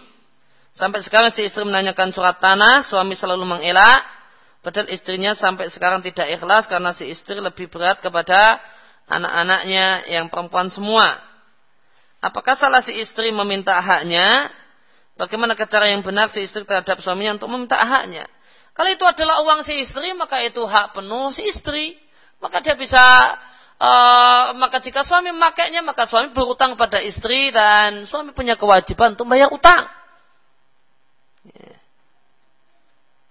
Maka si istri punya hak untuk uh, untuk menagihnya, menagih utang suaminya karena itu harta si istri.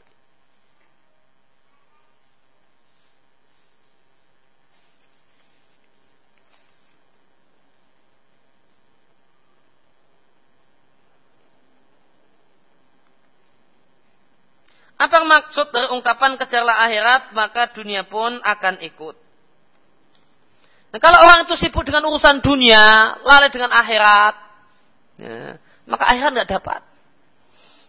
Akhirat akan tersia-siakan. Namun jika orang itu perhatian dengan akhirat, maka e, tidak mungkin dia tidak memperhatikan dunia. Tidak mungkin dia nggak makan, tidak mungkin dia telanjang. E, meskipun dia perhatian besarnya kepada akhirat, dia tetap akan e, mengambil bagian dari dunia, namun dunia itu dia ambil dengan dia maksudkan untuk maksud akhirat.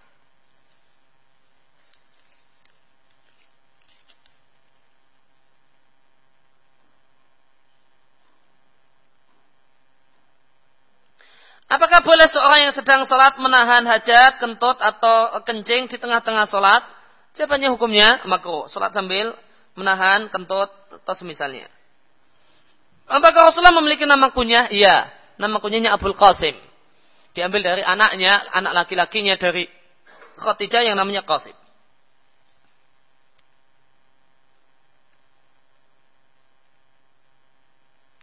Bagaimanakah hukum orang yang bertamu mengetuk pintu lalu mencoba melihat dari jendela kaca agar dapat melihat ke dalam rumah tersebut?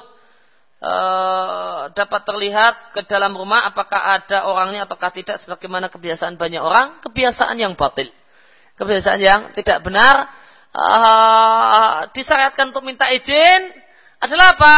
Kalau diberi izin, dia boleh lihat. Sebelum uh, sebelum dapat izin, maka tidak boleh lihat-lihat. Apa hukum setelah dalam sholat atau ketika sholat? Ya, cuma ulama mengatakan hukumnya dianjurkan. Uh, sebagian fukaha mengatakan hukumnya wajib.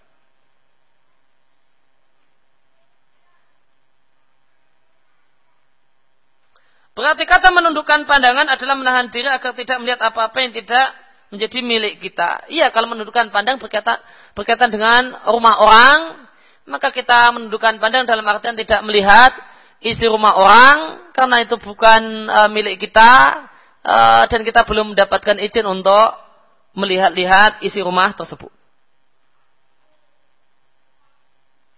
Apakah Rasulullah di surga bersama Aisyah, Khadijah?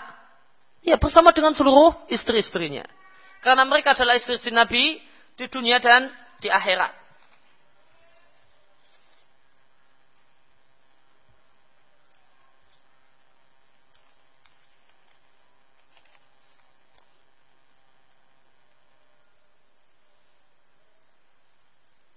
Seorang muslimah yang biasa bercadar, namun karena satu keadaan dan lingkungan yang berbeda dia buka cadar. Misal dalam lingkungan keluarga besar yang notabene belum bisa menerima cadar. Jika dia meyakini hukum cadar mustahab, maka boleh. Jika dia meyakini hukum cadar adalah wajib, maka tidak boleh. Apakah ada kodok untuk salat wajib yang pernah ditinggalkan seseorang pada saat awal-awal balik? Ulama ikhtilaf. Jumhur ulama mengatakan ada qadha untuk salat wajib yang ditinggalkan secara sengaja. Ini pendapat jumhur ulama. Sebagian ulama dan ini pendapat yang dipilih oleh Ibnu Taimiyah mengatakan tidak ada uh, uh, kewajiban qadha untuk salat wajib yang ditinggalkan secara sengaja dan uh, yang ada hanyalah taubat. Dan pendapat yang paling lebih kuat dalam masalah ini adalah pendapat yang diambil oleh Ibnu Taimiyah. Apakah benar jika untuk menolong orang yang sekarat merupakan uzur untuk tidak sholat Jumat?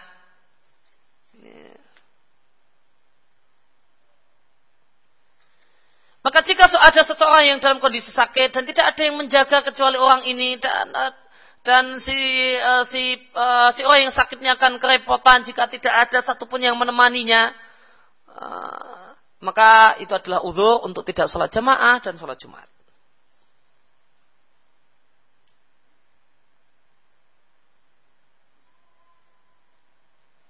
Ketika menelpon sering bentrokan mengucapkan salam, keduanya mengucapkan salam dalam bersamaan, apakah keduanya wajib menjawab salam? Jawabannya pertama didudukkan yang punya uh, keharusan untuk mengucapkan salam adalah yang menelpon. Sehingga uh, hendaknya orang yang menerima menerima telepon itu diam menunggu uh, orang yang telepon untuk mengucapkan salam. Kalau ditunggu kok enggak mengucapkan salam-salam, baru dia memulai mengucapkan salam ya uh, karena uh, si uh, orang yang menelpon tidak mengambil adab yang seharusnya dia ambil. Apa batasan ada ringtone HP yang termasuk musik? Ya, semua semua suara yang semisal suara-suara musik sebagaimana yang ma'ruf. Kalau semisal, maka hukumnya semisal. Suaranya semakin mana suara-suara uh, suara-suara musik yang kita kenal, maka sesuatu yang semisal kita samakan dengan yang semisal dengannya.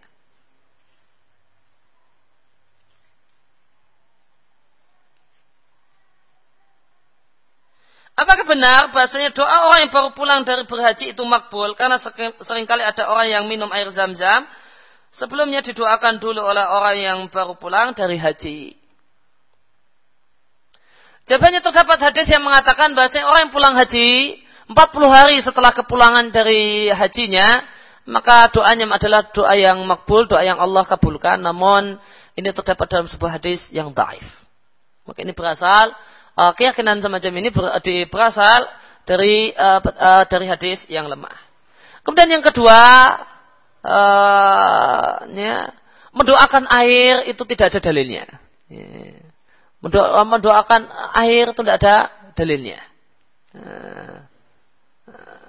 Menurut uh, sebagian ulama dan itu yang di uh, sebagaimana yang dipilih oleh uh, Sulaiman afidullah taala Sulaiman Ruhaili mengatakan tidak ada dalil yang kuat untuk uh, menjambi-jambi air. Maka oh ya ya dibacakan. Maka boleh jadi orang itu berobat dengan air, yaitu zam-zam, tanpa perlu dibacakan. Atau orang itu berobat dengan bacaan, uh, tanpa perlu pakai air-airan. Apakah seorang berdosa dengan bayangan di pikirannya yang seandainya apa yang dia pikirkan itu dia lakukan, maka dia akan berdosa. Jika bayangannya ini jadi niat, maka adalah tekad dan niat, maka dosa. Akan tapi jika itu adalah lintasan pikiran, yang lewat, maka itu dimaafkan.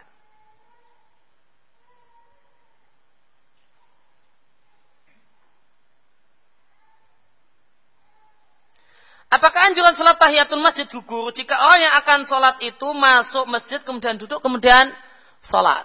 Jawabannya jika duduknya sebentar maka masih belum gugur. Nah, kalau duduk, duduknya sebentar masih belum gugur.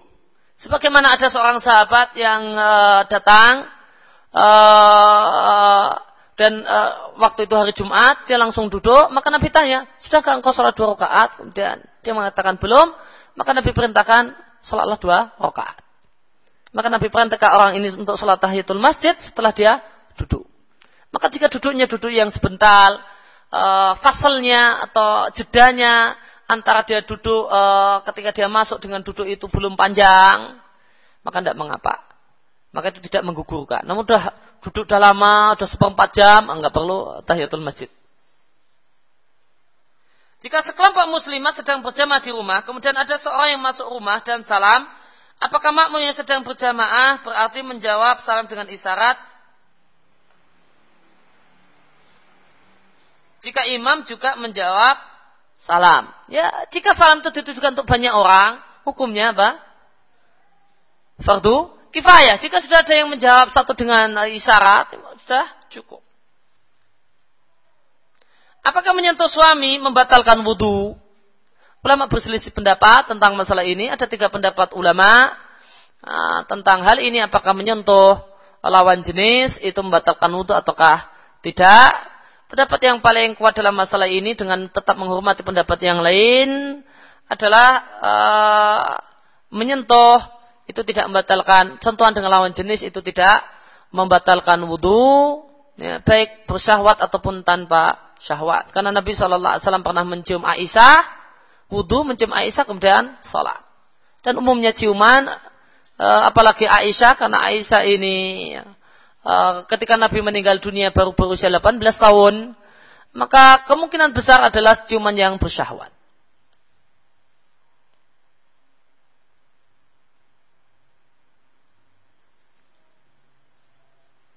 Maka yang benar uh, uh, sentuhan itu tidaklah sentuhan lawan jenis itu tidak membatalkan wudhu baik itu dengan syahwat ataupun tanpa syahwat.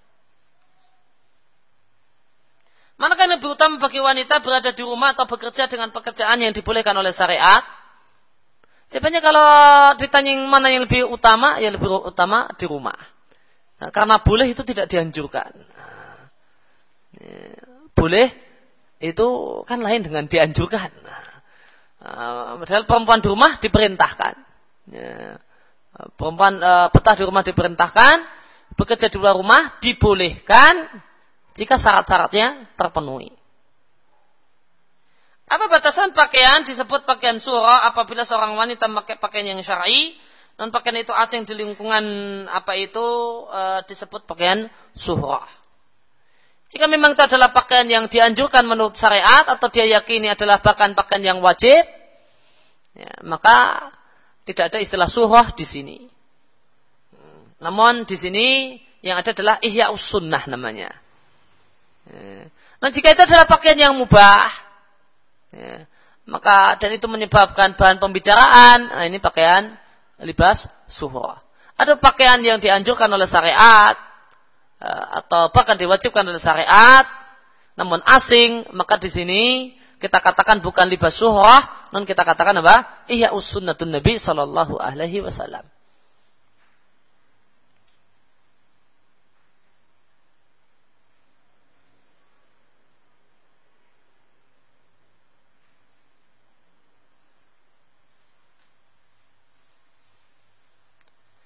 Katakan dalam ataitu Nabiya sallallahu alaihi wasallam fi dainin kana ala abi. Apakah karena ini zaidah? Bukan. Karena di sini bukan zaidah, namun karena di sini fi'il tam. Ya, karena karena itu ada dua, ada karena fi'il naqis dan ada karena fi'il tam. Jika karena itu fi'il tam, maka dia tidak membutuhkan khubar. Salasan dalam kata isti'dan, salasan mansub sebagai hal.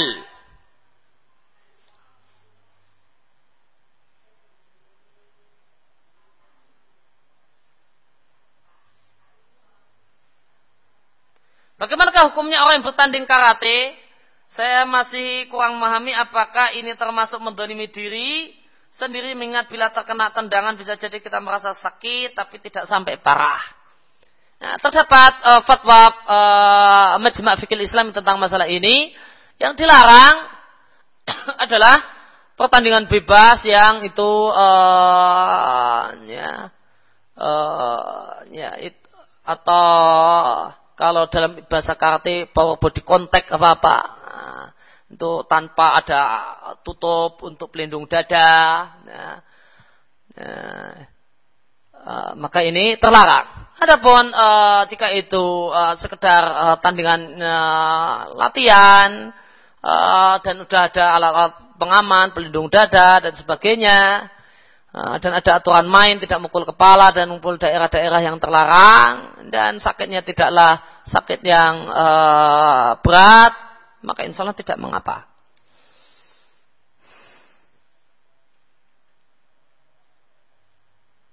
Jika kita bicara dengan melambaikan tangan untuk menyapa orang lain, namun bukan dalam rangka untuk mengucapkan salam, apakah boleh? Telah kita bahas, itu salamnya Yahudi.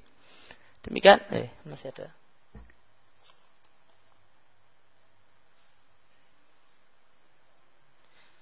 Uh, apakah benar setelah hewan kurban dipotong orang yang berkorban harus memotong kukunya? Jawabannya bukan harus, namun boleh memotong kukunya. Karena dia menahan diri sejak berniat untuk berkorban sampai korbannya disembelih, uh, maka ada kewajiban untuk menahan diri dari potong rambut dan potong kuku. Setelah disembelih, maka ya, dia boleh untuk potong rambut, potong kuku. Nah, kecuali jika uh, beberapa rambutnya telah 40 hari, uh, maka maksimal hanya Nabi memberikan waktu 40 hari untuk rambut kemaluan, rambut ketiak, dan semisalnya.